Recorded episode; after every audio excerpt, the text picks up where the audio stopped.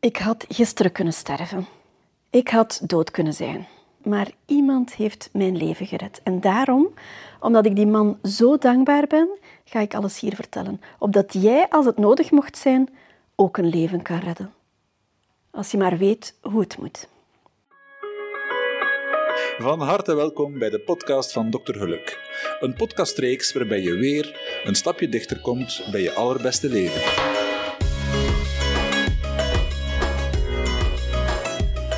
Waar je ook zit, waar je ook ligt en als je onderweg bent, houd dan veilig. Welkom in deze nieuwe aflevering van de podcast van Dokter Geluk. Ik had gisteren kunnen sterven en dat klinkt heel dramatisch, maar zo voelt het ook. Zo voelt het echt voor mij. Niet voor de buitenwereld, hè, want die hebben weinig gemerkt en uiteindelijk is alles heel goed afgelopen. Hè. Het was nogthans een dag die helemaal anders liep dan op voorhand gedacht. Hè. Achteraf zouden de mensen die mij graag zien de gang van zaken reconstrueren en die zouden dan zien dat alles aaneenhangt van toevalligheden. Hè? Of niet? Ik zeg altijd eigenlijk dat toeval niet bestaat. Maar bij een overlijden ga je toch altijd proberen het verleden te gaan herschrijven. Hè? Wat als? Wat als dan? Als we niet, hadden we maar dan. Het zou een weekend zonder kinderen zijn. Hè? Mijn lief heeft kinderen, ik heb een dochter. En één op de twee weekends hebben wij geen kinderen. Dan is er wissel en dan gaan de kinderen bij de andere ouder. Waardoor mijn lief en ik één op twee weekends zonder kinderen zijn. Deze keer niet dus, want Johanna en ik hadden de afgelopen week een uitwisselingsstudent uit Roemenië. En daarom hadden we de wissel niet gedaan en bleef Johanna tot Maria op zondagnacht weer zou terugvliegen naar Roemenië. En zaterdagavond was er een afsluitingsdiner, een soort eetfestijn, waar de Roemeense leerlingen gingen volksdansen en waar wij, de ouders, de gastgezinnen, de mensen van het Roemenië-comité, de sympathisanten, zouden gaan eten voor het goede doel. En aanvankelijk zou Johanna's vader eerst gaan, maar door omstandigheden kon haar vader niet en dus hadden wij onze plannen omgegooid om toch te gaan eten. Een grote zaal dus in de school van Johanna, met een paar honderd mensen en heel veel lawaai door heel veel getater van mensen die elkaar terugzagen. Aan de ene kant van de tafel zat een koppel dat ik vaak kende van vroeger en aan de andere kant zaten vier bejaarde vrouwen, gepensioneerde leerkrachten. Een van hen zat met haar achterkleinkind op schoot, een babytje van zeven weken met een heel wakkere, pintere blik. En tegenover haar zat een fiere dame van 97, mooi opgemaakt, nog heel snel bij de pinken. Dat was ons gezelschap van de avond. Mensen die ik nauwelijks kende dus. Nu, voor hoogsensitieven is dat hier de hel. Dat had ik nog net tegen mijn lief gezegd. Te veel lawaai, te veel gewemel, oppervlakkige babbeltjes van mensen die elkaar terugzien, maar weinig echt te vertellen hebben. En daarbij dat vreselijke licht van de thealampen. Maar zwart, het was voor het goede doel. Het was de verbroedering van de gemeente met haar tweelingdorp uit Roemenië. In een toespraak werd trots gemeld dat de gemeente een brandweerwagen schonk. En ter demonstratie flikkerden buiten de lampen van de brandweerwagen en loeiden de sirenes. Helemaal niet onbelangrijk dat detail, zoals je straks zal horen. Oké, dan was het tijd om aan te schuiven aan het buffet. Nu, ik eet weinig vlees, sowieso. Ik had het er nog over met Johanna dat wij op een dag wel helemaal vegetariër zouden worden, maar dat we nu vooral nog flexitariër zijn. Ja, ik eet die vieze goulashkroket als we frietjes gaan halen in de frituur. En ja, ik eet regelmatig kip. Ik lust graag eitjes en ik ben dol op ovenschotels met een kaaskorstje. En heel af en toe, vooral als we op restaurant gaan, dan eet ik biefstuk voor mijn ijzer. En iedereen lacht mij dan uit omdat ik mijn biefstuk heel erg uitgebakken vraag. Maar dat is een overblijfsel van de acht jaar dat ik zwanger probeerde te worden en dat ik een angst had om toxoplasmose op te doen. Ik had s'avonds al van Johanna gehoord dat de kip niet goed doorbakken was. En de beloofde vis, die had ik ook niet meteen zien liggen. Dus ik vroeg een stukje van de kota los. En die was tot mijn spijt heel erg bleu en zelfs nog koud van binnen. Maar ik dacht aan het ijzer. Dus terug aan tafel nam ik een hap van dat koude, rode vlees en ik voelde die onkauwbare bal onsmakelijk in mijn mond draaien. En verderop aan onze tafel zag ik dat de man van het koppel heel erg aan het hoesten was. Die had zich overduidelijk verslikt. En net op het moment dat ik vroeg of ik hem moest helpen, de tranen liepen over zijn wangen, hij bleef maar hoesten, deed hij teken dat alles in orde was. Maar net op dat moment voelde ik hoe die bal vlees in mijn keel kwam vast te zitten. Ik dacht eerst nog eventjes, ik moet wat water hebben om dat te laten zakken. Zoals dat je ook doet als je te snel uh, droge boterhammen doorslikt bijvoorbeeld. Hè. Maar ik merkte dat dat vlees in mijn luchtpijp zat. En dan begon het, hè, de blinde paniek. Het besef dat, dat ik, hoezeer ik ook mijn best ging doen om naar lucht te happen, er niks, maar dan ook niks van lucht door die luchtpijp zou kunnen. Ik ben dan opgestaan en in een fractie van een seconde had ik de reflex om naar de tafel te lopen waar die mensen van de brandweer zaten te eten. Ik wist in een reflex dat daar zeker iemand zou bijzitten die het Heimlich-manoeuvre zou kunnen toepassen. Het is heel bizar hoe snel dat je denkt en hoe snel je tot actie overgaat als je echt, echt in nood zit. Mijn lief zei achteraf, ik had dat toch ook wel kunnen doen. Maar intuïtief wist ik dat ik hier de grootste kans moest nemen om te worden gered en dat tijd hier heel, heel, heel cruciaal was. Natuurlijk aan die tafel waar ik naartoe liep, daar keek iedereen verbaasd op, want wat stond ik daar te doen? Een wildvreemde vrouw die daar stond en ik kon eigenlijk niks zeggen. Hè. Ik kon alleen maar naar mijn keel grijpen en denken, kom aan, zie je nu niet, ik ben aan het stikken. Je verliest hier seconden. Dus ineens hadden ze toch door en hoor ik de ene tegen de andere zeggen van ze is aan het stikken, ze is aan het stikken. En ik deed teken van ja, ja, ik ben aan het stikken.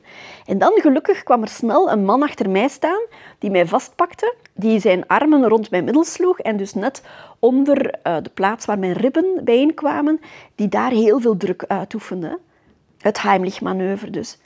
Maar dat lukte niet meteen. Dus ik geraakte nog meer in paniek, want in mijn, in mijn gedachten lukte dat direct van de eerste keer. Hè. Dus ik dacht, wat als dit nu niet lukt? En ik bedacht ook, want je gedachten gaan heel snel, hè? je gedachten gaan heel, heel snel. Ik bedacht dat de mug veel te laat zou komen en ik zag mij al neerzijgen.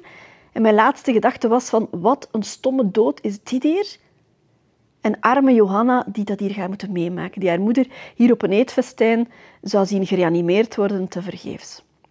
En na vier keer dat Heimlich-manoeuvre uit te voeren, schoot die brok eindelijk, eindelijk los. En dat gevoel van enerzijds de grootste paniek die ik ooit, ooit heb gevoeld. Hè. Echte, echte doodsangst. En tegelijk op het einde, net voor het toch lukte, het gevoel van overgave, van laat het Saskia, dit is het. Dit is het einde. Dit is de sterven, verzet je niet. Dat is een heel raar gevoel om op terug te kijken vandaag. Zo, zo heftig. Iets wat ik nog nooit heb meegemaakt. Ik bleef nog uren natrillen en eenmaal thuis ben ik onbedaarlijk beginnen huilen van die enorme ontlading. Want in mijn beleving werd die korte tijdspanne, want volgens mijn lief duurde dat helemaal niet lang, werd die heel lang uitgesponnen. Werd elke gedachte, elke emotie, elk detail heel erg duidelijk. Die gezichten voor mij, de smurrie die ik op tafel uithoestte elke keer als die man in mijn maag stompte, de gedachten die ik had, mijn gevoel, mijn paniek. En dus vandaag voel ik mij vooral moe. Heel, heel erg moe. Ik vraag me af, wilde dit voorval mij iets vertellen? Hè? Zit er een betekenis achter? Moest dit gebeuren om mij te laten vertragen? Ik twijfelde al eventjes om mijn activiteiten wat terug te schroeven, om uh, wat minder actief te worden en mij echt, echt, echt, maar deze keer om mij echt toe te leggen op alleen maar mijn roman en niks anders meer aan te nemen tot die roman eindelijk af is. Was dit dan het teken om, om echt nog eens overtuigd te worden? Of was het nodig om mij terug wakker te maken? Na de zomer, na alle festiviteiten rond mijn verjaardag, na, na de retreat die ik georganiseerd had, ben ik zo wat stilgevallen. Een soort geparalyseerde toestand. Uh, de overgang naar de winter ook, van de zomer naar de winter elk jaar, valt mij dat wat moeilijk. Dus ik was eigenlijk tamelijk lui geworden de laatste weken. Ik moet de beloofde cursus over hoogsensitiviteit afwerken, maar ik was zo wat stilgevallen. Dit jaar was uh, emotioneel een heel zwaar jaar. Er is op persoonlijk vlak veel gebeurd. Ik ben mijn vader verloren in het begin van het jaar. Ik ben 50 geworden. Ik heb heel veel gevierd. Ik heb van het leven genoten, maar ik heb ook heel veel geweend dit jaar. Er was ook weinig structuur. Ik heb een drukke zomer gehad. Ik ben veel weg geweest. Ik ben dit jaar veel op reis geweest. Maar er is heel weinig structuur de laatste tijd. Dus wat wilde dit voorval mij leren? Dat ik net wel moet voortdoen of dat ik het net kalmer aan moet doen? En eigenlijk moet ik zeggen dat mijn laatste gedachte helemaal niet was van ai, ik wil dit nog doen, ik wil dat nog doen. Het ging eigenlijk helemaal niet om mijzelf. Ik heb op geen enkel moment... Jawel, ik heb wel gedacht van wat een stomme, stomme dood zou dat nu zijn. Hè? Ehm, en achteraf kan je dat dan verklaren met, je kan nog zo je best doen om uh, elke dag, hè, ik schrijf in mijn dagboek mijn intenties. En ik wil uh, mijn tijd besteden aan wie, wie en wat belangrijk is. En ik doe dat allemaal. En ik ben terug beginnen zwemmen. En ik ben op mijn voeding beginnen letten. En ik wil minder suiker eten. Enzovoort, enzovoort.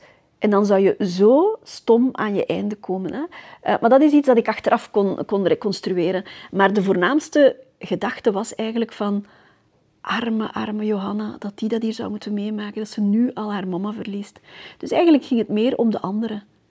De, de dag nadien vraag ik mij nu vooral af van hoe zou dat nu zijn als ja, mijn liefsten zouden te weten komen dat ik er niet ben.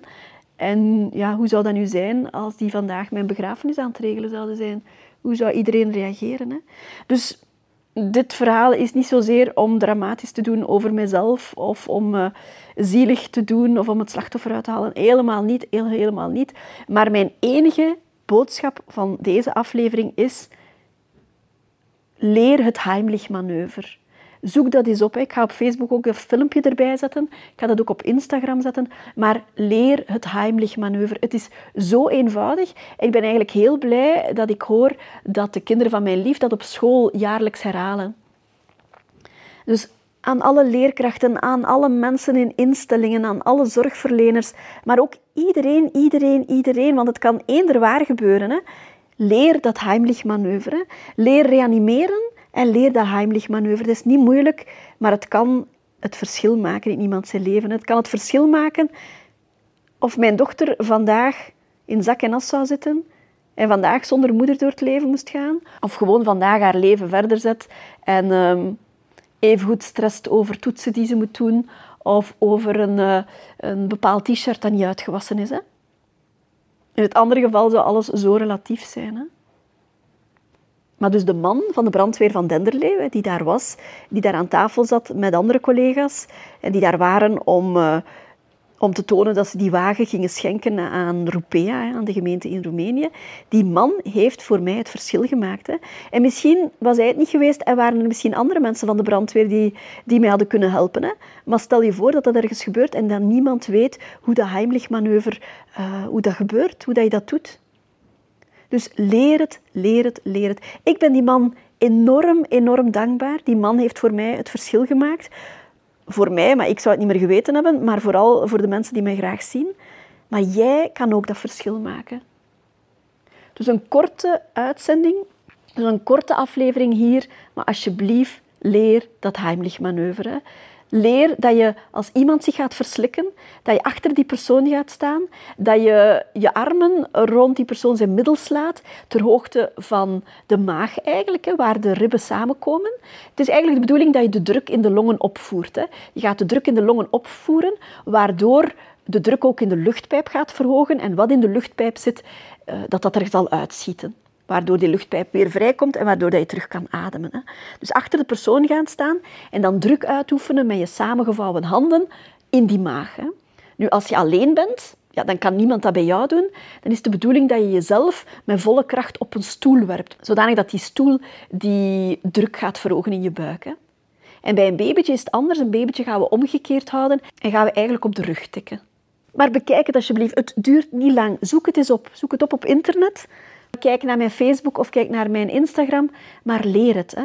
En zeg het door aan de mensen. Vertel dit verhaal. Het hoeft niet over mij te gaan, maar vertel die anekdote. Want uiteindelijk wordt het een anekdote. Hè. Met de jaren door gaat het een anekdote worden. Alhoewel dat ik denk dat ik dat nooit ga vergeten. Maar uh, vertel erover. Misschien is er later wel iemand die zegt van dankzij jouw tip wist ik wat ik op dat moment moest doen. En ik hoop natuurlijk dat je het nooit moet uitvoeren, dat er nooit iemand in de problemen komt in jouw buurt. En ik hoop dat ze het nooit bij jou moeten uitvoeren. Maar als het nodig is, dan hoop ik dat je de juiste mensen in de buurt hebt die de juiste kennis hebben. En dan is er nog iets dat ik wou zeggen, en dat heeft te maken met schuldgevoelen. Toen ik daartoe kwam, was mijn dochter in gezelschap van haar vrienden, de Roemeense vrienden, de Vlaamse vrienden. En toen ik binnenkwam, zwaaide ik enthousiast naar haar. Maar je kent dat.